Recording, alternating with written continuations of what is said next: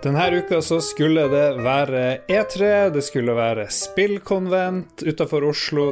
Alt er avlyst, men spillrevyen består med deg, Jon Cato, og med Lars Rekard Olsen, hvor vi ser på de viktigste nyhetene fra uka som gikk. Hvordan går det? Jeg ser du sitter nesten naken i eh, ditt studio. Jeg har begynt å gå i bar overkropp hjemme hver dag, for i Oslo så er det jo rundt 30 eh, grader har det vært den siste uka. Altfor varmt. Oi, oi. Da må man holde seg inne. Vi går rett på nyhetene. Jørund H. Skaug, Alexander Husøy, Tobias Ståby og Odin Nøsen ga nylig ut boka Spillpedagogikk. Dataspill har fått en større plass i skolen, men det er ingen snarvei til læring eller elevene sitt hjerte. Og vi tok en prat med Jørund H. Skaug for å finne ut mer om boka. Mitt navn er eh, Jørund Høie Skau. Jeg jobber eh, til daglig som eh, seniorrådgiver på Kulturtanken som er Kulturdepartementets fagetat for kunst og kultur til barn og unge. Men uh, denne boken her har jeg vært med på å skrive eh, mens jeg jobbet som ja, utdanningsbyråkrat i Utdanningsdirektoratet og Senter for IKT i utdanningen. Så jeg er statsansatt og vel teknisk sett regnet som en slags statsautorisert spillbyråkrat eller noe sånt noe, samlet sett. Du har vært med å skrive boka 'Spillpedagogikk', som kom eh, nå, i uka som var. Hva var grunnen til at dere, du og dere hadde lyst til å lage en sånn her bok? Jeg har samarbeidet med spillpedagogene og folka som er i det miljøet der i eh, mange år. Eh, om eh, forskjellige små og store læringsopplegg, et eh, fagnotat, noen kurs og noen opplegg her og der. Men uh, kom vel rett og slett til at det var behov for å samle kunnskapen og erfaringene som både spillpedagogene og nettverket deres og andre lærere som driver med spill i skolen uh, har. fordi at uh, veldig mye av det som finnes på norsk av faglitteratur, det er spredt omkring på bloggposter, hist og pist på internett. Litt har vært gitt som muntlig i eh, kurs. Det var eh, rett og slett eh, et behov for å samle kunnskap og erfaringer som har blitt opparbeida i det norske dataspill- og læringmiljøet de siste årene, og forhåpentligvis gjøre opp litt status for feltet og peke framover, slik at flere lærere får sjansen til å la seg inspirere av å bruke dataspill i skolefagene. Ja, jeg tenker at etter hvert som lærere har vært eh, gamere, så får de sikkert lyst til å bruke det her i, i undervisning. Og hva er gode og dårlige måter å gjøre det på? Eh, hvis vi skal peke på de gode måtene som eh, vi har forskningsbasert kunnskap om at vi vet funker, så er det jo nettopp det å ha læreren som en aktiv og modererende part i Eh, det spillet og i spillopplegget. Der hvor dataspill og læring veldig lett kan feile, det er hvor eh, læreren introduserer et dataspill og sier til elevene nå kan dere spille så og så lenge, og så kan dere skrive noen ord om det etterpå, eller vi tar en samtale om det når dere er ferdig med spillet. Da eh, faller ting gjerne litt i fisk. Både forskning og erfaringen som alle spillpedagoger har rundt omkring, tror jeg, det er at et spill i seg selv det gir jo eh, en hel masse interessant læring. Eh, du kan tilegne deg både sosiale ferdigheter og eh, ferdigheter om det ene og det andre som kan benyttes andre steder enn spillet, men et dataspill kan nesten aldri lære deg de tingene som skolen ønsker at du skal lære deg. Mm.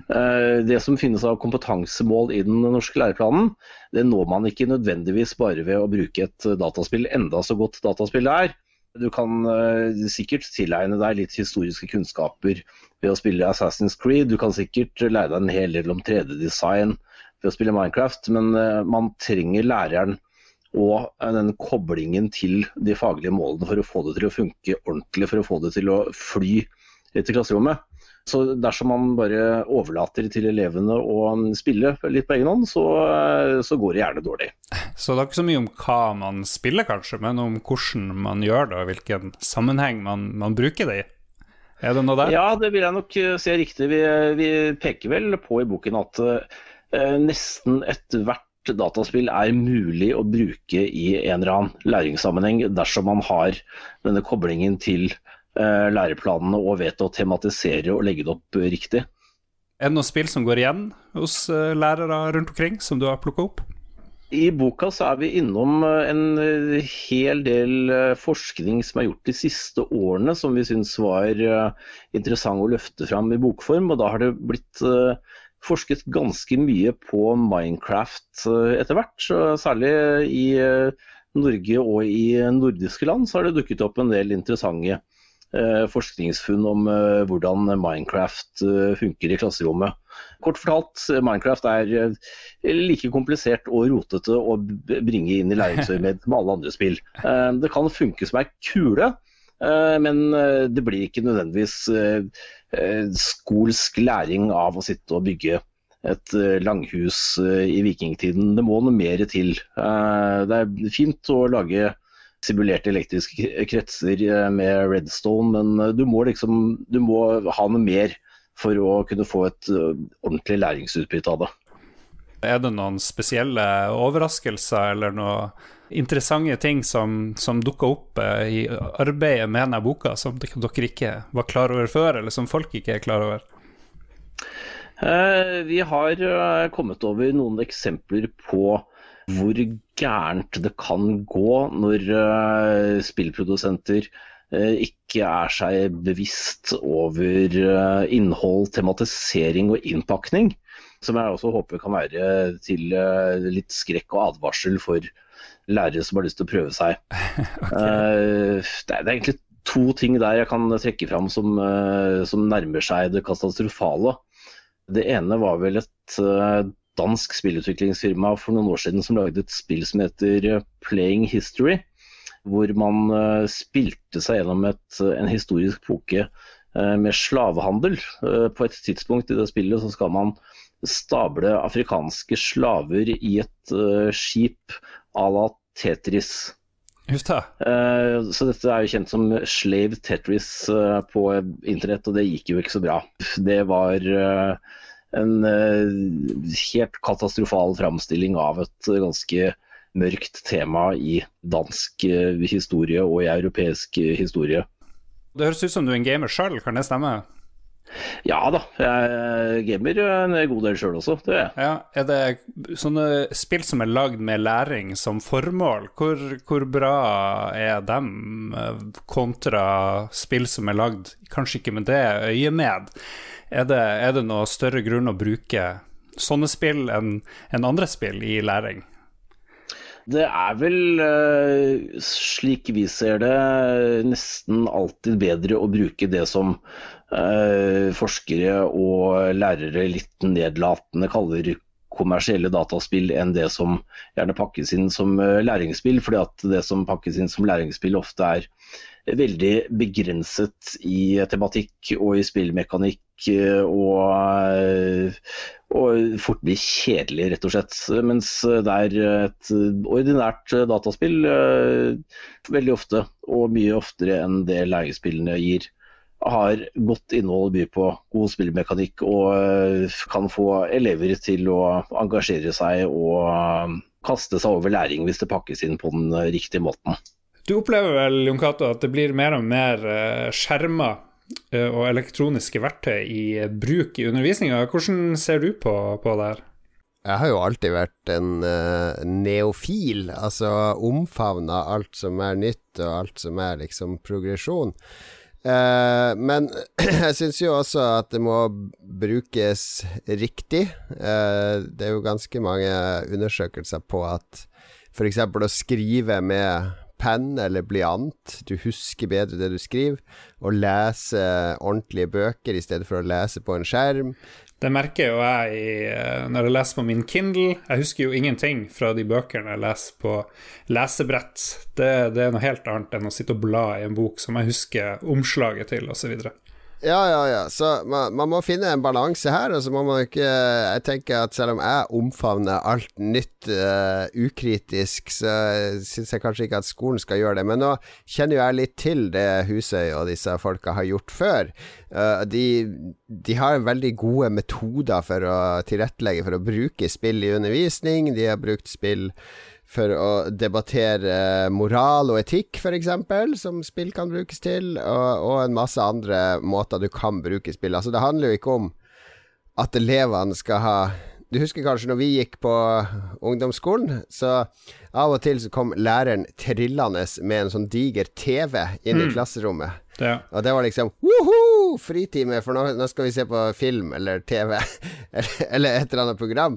Det føltes som liksom fri fra undervisninga å få lov å se på TV. Ja. Og det tenker jeg at moderne elever i dag det er sånn, Nå skal vi bruke iPaden, så er det sånn Woho! Da, da er det ikke den kjedelige skolen, da skal det være morsomt.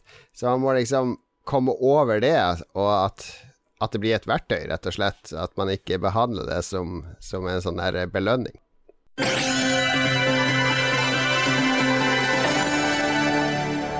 I USA så har FDA, det står for Food and Drug Administration, for første gang godkjent et spill til reseptbelagt bruk.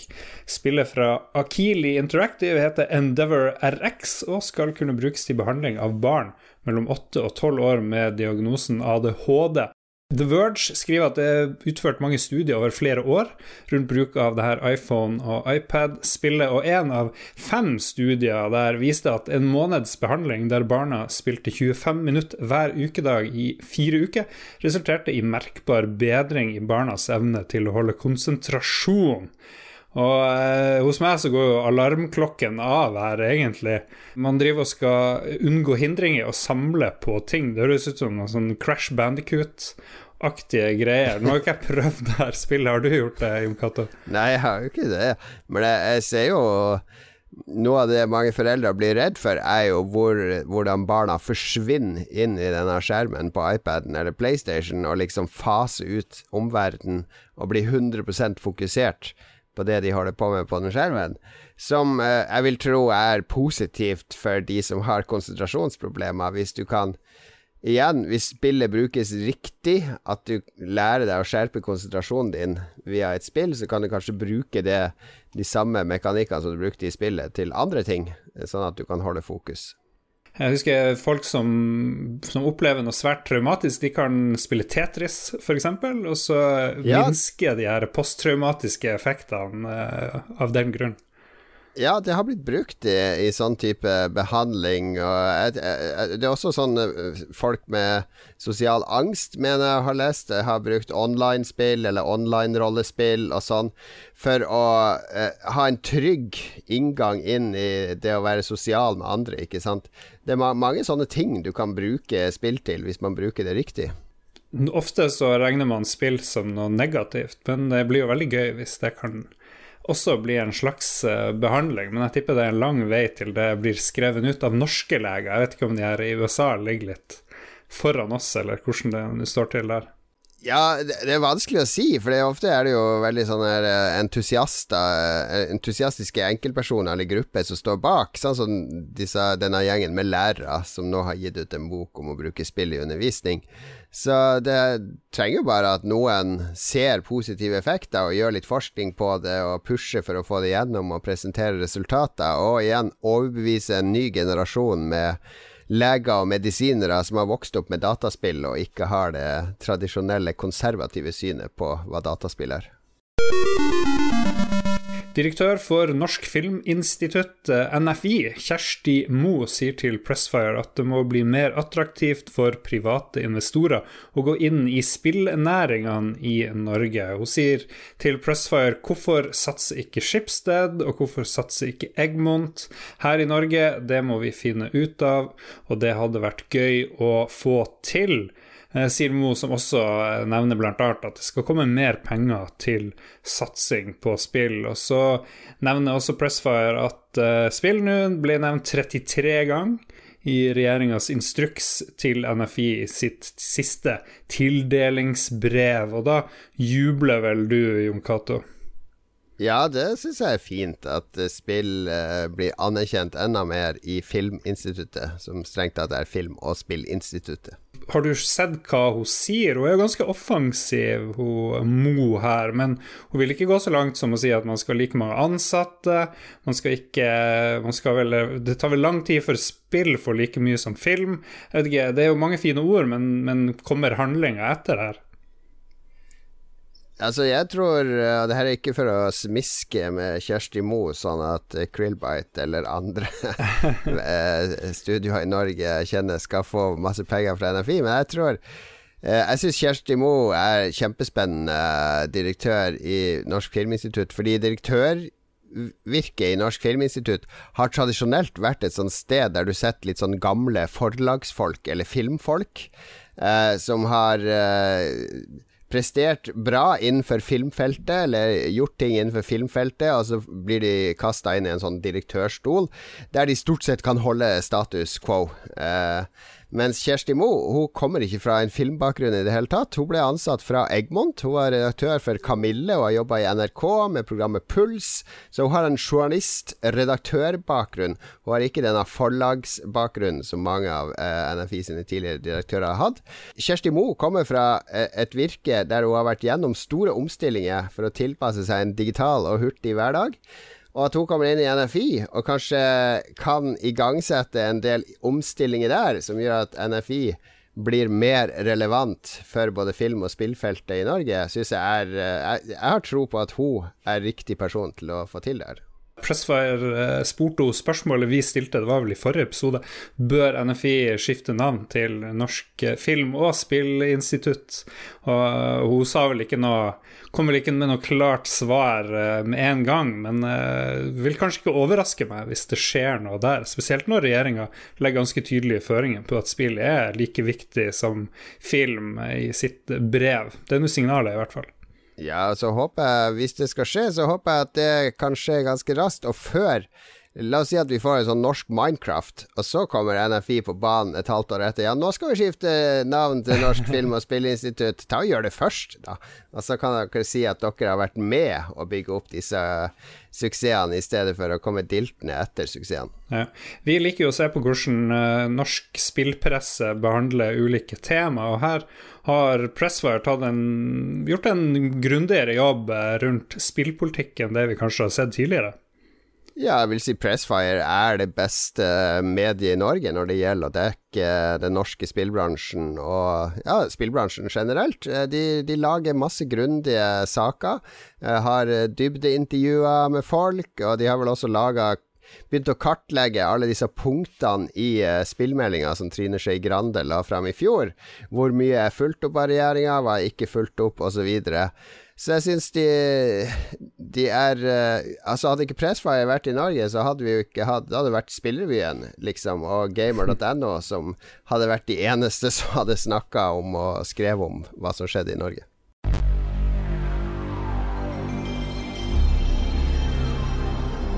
I forrige uke så ble det delt et bilde som angivelig skulle røpe prisen på PlayStation 5, og det kom fra netthandelgiganten Amazon sin franske side. Her kom det frem at prisen på PlayStation 5 skulle bli 499 euro, eller 400 euro, alt ettersom om du kjøpte versjon med eller uten Blu-ray-spiller. Så dukka en representant for Amazon i Frankrike opp, og sa senere at bildet er rent oppspinn, og at nettsida aldri har delt noen pris for PlayStation 5. Og det her er jo Det er litt typisk. Jeg vet ikke. Det dukker opp et eller annet på nettet, og så tar folk litt av og diskuterer det opp og ned og veldig grundig, men så er det ingen som sjekker kilden eh, for det her. Mm. Trodde du at det her var en ekte pris da det dukka opp? Nei, det er ikke noe ekte pris for Sony, eller noen andre har bekrefta det. Eh, så selv om Le Amazon, eller hva de heter i Frankrike eh, kanskje har eh, tabba seg ut. Altså, det er jo placeholder-priser nå. Hvis du går på komplett.no, så tror jeg den ligger på 9999, for at de skal sikre seg, fordi den antakelig ikke blir dyrere enn det. Det tror jeg kanskje det ikke den blir. Men det er jo det folk er opptatt av nå. Altså, vi har sett eh, konsollene, begge maskinene. Vi vet hva slags innmat de får. Eh, vi vet sånn cirka hva de kan få til, eh, i hvert fall i teorien. Vi har sett en del av spillene fra de. Det eneste som gjenstår nå, er jo hvor mye den koster, og det er et superbetent spørsmål, fordi datakomponenter er jo dyrere enn de noen gang har vært. Frakt er dyrere enn det noen gang har vært. Logistikk er dyrere enn det noen gang har vært. Og, og ja, pga. korona så jeg, jeg, jeg tippa rundt 7000 for eh, en av disse konsollene. Mellom 6000 og 7000. Ja, jeg tenker at nå betaler folk Kronekursen glemte jeg å nevne, ikke sant? Den er jo også helt ræva. Det som er litt artig, det er at folk forventer at en spillkonsoll, i hvert fall mange jeg snakker med, at den skal koste kanskje ikke så mye mer enn 5000. Der er smertegrensa, på et vis. Ja, men, så kjøper man, men så kjøper man mobiler til 12 000-14 000 som de bytter ut annethvert år, mens en spillkonsoll kan vare mye lengre. En mobil er jo ikke ren hedonisme som en, eh, en uh, spillkonsoll er. Det er jo et verktøy som du bruker til å holde kontakt med dine foreldre, dine venner, lese e-post, du holder deg informert. Så det er jo mye mer enn en bare en telefon. Men tror du folk kommer til å venne seg til f.eks. 7000 kroner for en Nei, spillemaskin? Nei, jeg tror jo kanskje jeg tror grunnen til at verken Xbox eh, eller Microsoft eller Sony vil gå ut med pris, er at de vil ikke Da gir du Da, server, eller da sender du ballen over til det andre laget. Eh, fordi jeg tror Sony er truende til å dumpe prisen, altså til å selge konsoller med tap på 100-150 dollar per konsoll. Hvis Microsoft går ut og sier vår konsoll skal koste 600 dollar, eller 6000 kroner. Det er ikke sikkert det blir 6000 med den kronekursen du har i dag, men tradisjonelt sett så har det vært dollar ganger 10. Hvis uh, Xbox De sier at Xbox koster 600, så svarer Sony med å gå 100, kroner, 100 dollar under. Mm. 500. Hvis ja. Xbox sier 500, så svarer Sony med 450. Så den som sier det først, har liksom tapt, på en måte. Ja. Hvordan løser man det? Hva, hva ville du gjort? Jeg vet ikke, det er veldig vanskelig. Og, og, Microsoft vet jo også at Sony på E3 i 95, var det vel?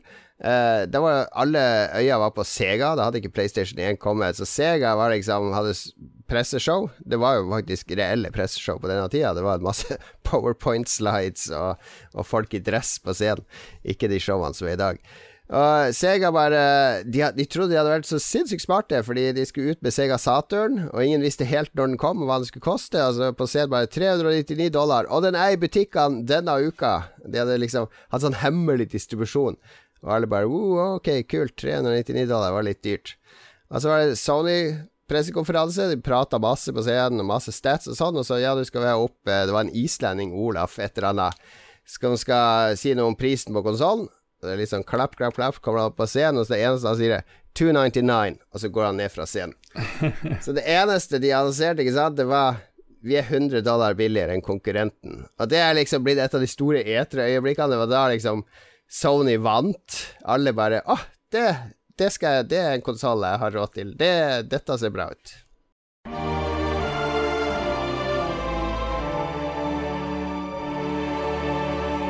Hver episode så ser vi på spillene som kom i forrige uke, og det absolutt største spillet har også fått veldig mye Ja, da blir det en snakkis, det her Last of Us 2. Et veldig polariserende spill, kan vi vel kanskje ja, si. Jeg så på Metacritic. Der har, er det sånn at anmeldere, profesjonelle, gir toppkarakter.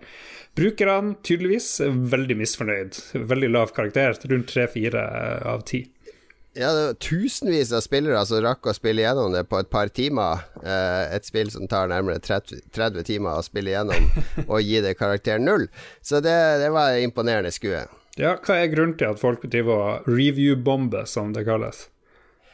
Det la oss 2 har blitt eh, sentrum for alt polariserende og, og det er en større debatt enn bare et spill. Det er en, en debatt om eierskap, om uh, politisk uh, Å bruke spill til å snakke om temaer med politiske undertoner.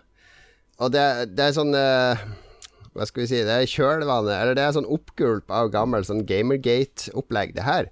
Der gamere føler seg trua av eh, progressive krefter innen spillbransjen. De føler seg trua av spill som uh, utfordrer synspunktene deres, som uh, tar nye narrative grep, som kanskje ikke leverer det de forventer av en story. Og en dataspillhistorie har jo tradisjonelt vært at du er en person som går rundt og dreper folk av en eller annen motivasjon, og så ender det opp med at du blir helt, får prinsessa, eh, lever lykkelig resten av dine dager. Ja, men nå så er hovedpersonen lesbisk, eh, hovedpersonen er kvinne, f.eks., og det er tydeligvis en rød klut eh, i denne sammenhengen. De fleste som kritiserer det, har jo ikke spilt det.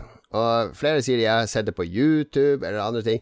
Og det skinner så igjennom at det bare er en sånn diger saueflokk med fakler og høygafler som har blitt uh, uh, mobilisert av sterke krefter på YouTube og sånn, som sitter og hele tida Altså, de sitter og lar seg indoktrinere av en gjeng med demagoger på internett, som forteller de at hobbyen din er trua av at folk lager spill som utfordrer et konservative verdisyn.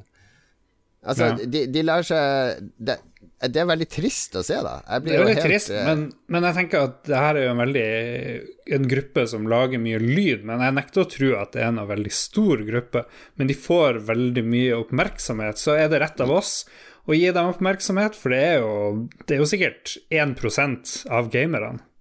Jeg vil se på kommentarfeltene på gamer.no. Altså, de brukerne der, og nå skal jeg ikke si at en gamer.no-leser er en idiot, men de høylytte brukerne i kommentarfeltet på gamer.no, de er, det er det verste stedet for disse, dette bråket og disse meningene. De, det er en, en frisone der med drittslenging og, og harselering med det spillet.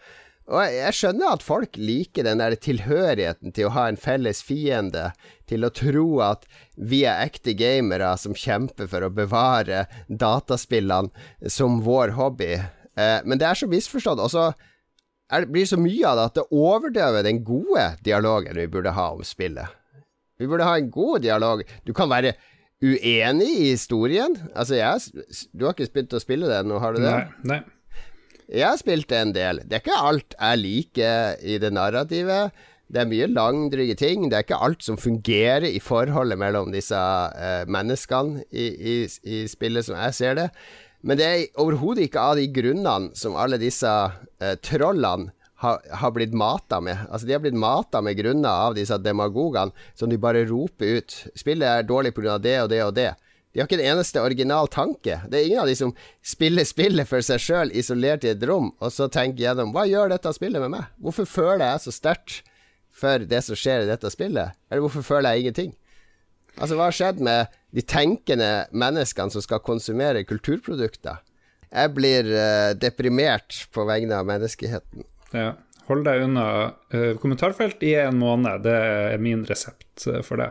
Men det er ikke bare Last of Us 2 som kom i forrige uke. Vi kan vel ikke anmelde det. Jeg har ikke spilt i det hele tatt, og du har spilt ikke så forferdelig mye, men det har kommet andre ting òg vi kan løfte ja. frem. Desperados 3 dukka opp. For de som ikke husker, så var Desperados 1 og 2 Eh, en sånn søsterserie til en spillserie som heter Commandos på 90-tallet, som var PC-spill Eh, litt sånn real time strategy-spill. Altså du ser ting ovenifra, og du peker og klikker med en mus for å flytte enkeltpersoner rundt på et stort kart. Men i motsetning til vanlig sanntidsstrategispill, så du har liksom bare disse personene, og så skal de snike seg inn i byer og sabotere og plante bomber og veldig, veldig artig sånne små strategispill som forsvant helt fra markedet en periode. Altså Nå er plutselig Desperados 3 tilbake. Har fått eh, strålende kritikk og mottakelse uh, ute på Steam uh, nå. Blir gitt ut av THQ Nordic, som har begynt å etablere seg som en litt sånn stor internasjonal aktør. Og det siste spillet vi skal nevne, det heter Disintegration. Det tar jeg med, fordi det er laga av et studio som heter V1 Interactive, som er ledet av Markus Letto, eller Lechto, jeg vet ikke hvordan du uttaler det. Ja, Men han var, ja, han var art director i Bungie, og ifølge uh, spillet sin Steam-side så var han også co-creator av Halo-serien, er han titulert som. Så det, det, er på en måte det hele Disintegration har ridd på, at uh, en av Halo, de originale Halo-skaperne står bak.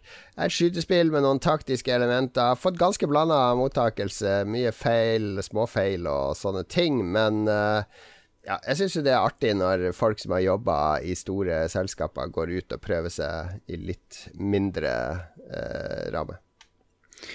Det var det vi rakk i ukens Spillrevyen. Vi er tilbake om syv dager. Vi har nettopp gjort ferdig en serie på fem podkaster i samarbeid med Viken Filmsenter. Hvis dette er første episoden av Spillrevyen du hører, så anbefaler jeg deg å gå i vårt arkiv. Finne intervju med bl.a. Ragnar Tørnquist, som vi snakka med i uka som gikk, om dødstrusler, om litt om denne kampen mot uh, høyrekreftene uh, som vi snakka om akkurat nå og så videre, og hvordan eh, Red Thread Games har klart seg i pandemisituasjonen. Jeg syns det ble en ganske fin eh, serie vi lagde der, eh, Jon Cato. Ja, takk til Viken Filmsenter for å gi oss uh, den sjansen. Jeg tror Viken nå skal samle alle fem episodene i en lang episode for det som virkelig vil legge deg på sofaen en uh, en sen kveld å ha meg og Lars og, og, våre gjester i øret og lære alt om den norske spillbransjen på et par timer. Frem til neste gang så kan du høre vår helt nye podkast under Lolbua-paraplyen Rage Quit. En veldig fnisete, men også underholdende ny podkast fra Ståle Balvinson, Dag Thomas Olsen og Christian Tjessem. Og så kommer som vanlig Lolbua hver onsdag. Det vi avslutter med, er jo selvfølgelig dine råd for våre lyttere. Hva skal de ta seg til i uka som kommer? Du, Mitt råd er noe jeg gjorde i dag. Da dro jeg ned, eh, trengte et bad, var så varmt. Altså, Det verste jeg vet, er å skifte på stranda, så jeg bare tok på meg badebuksa, morgenkåpe, kjørte ned til stranda. Så gikk jeg ut av bilen i sandaler og morgenkåpe og badebuksa, slang fra meg morgenkåpa, svømte inn i morgenkåpa, inn i bilen, kjørte hjem. Så dra på stranda i morgenkåpe mitt tips. Da sier vi farvel fra Lars Rikard Olsen og Hugh Hefner.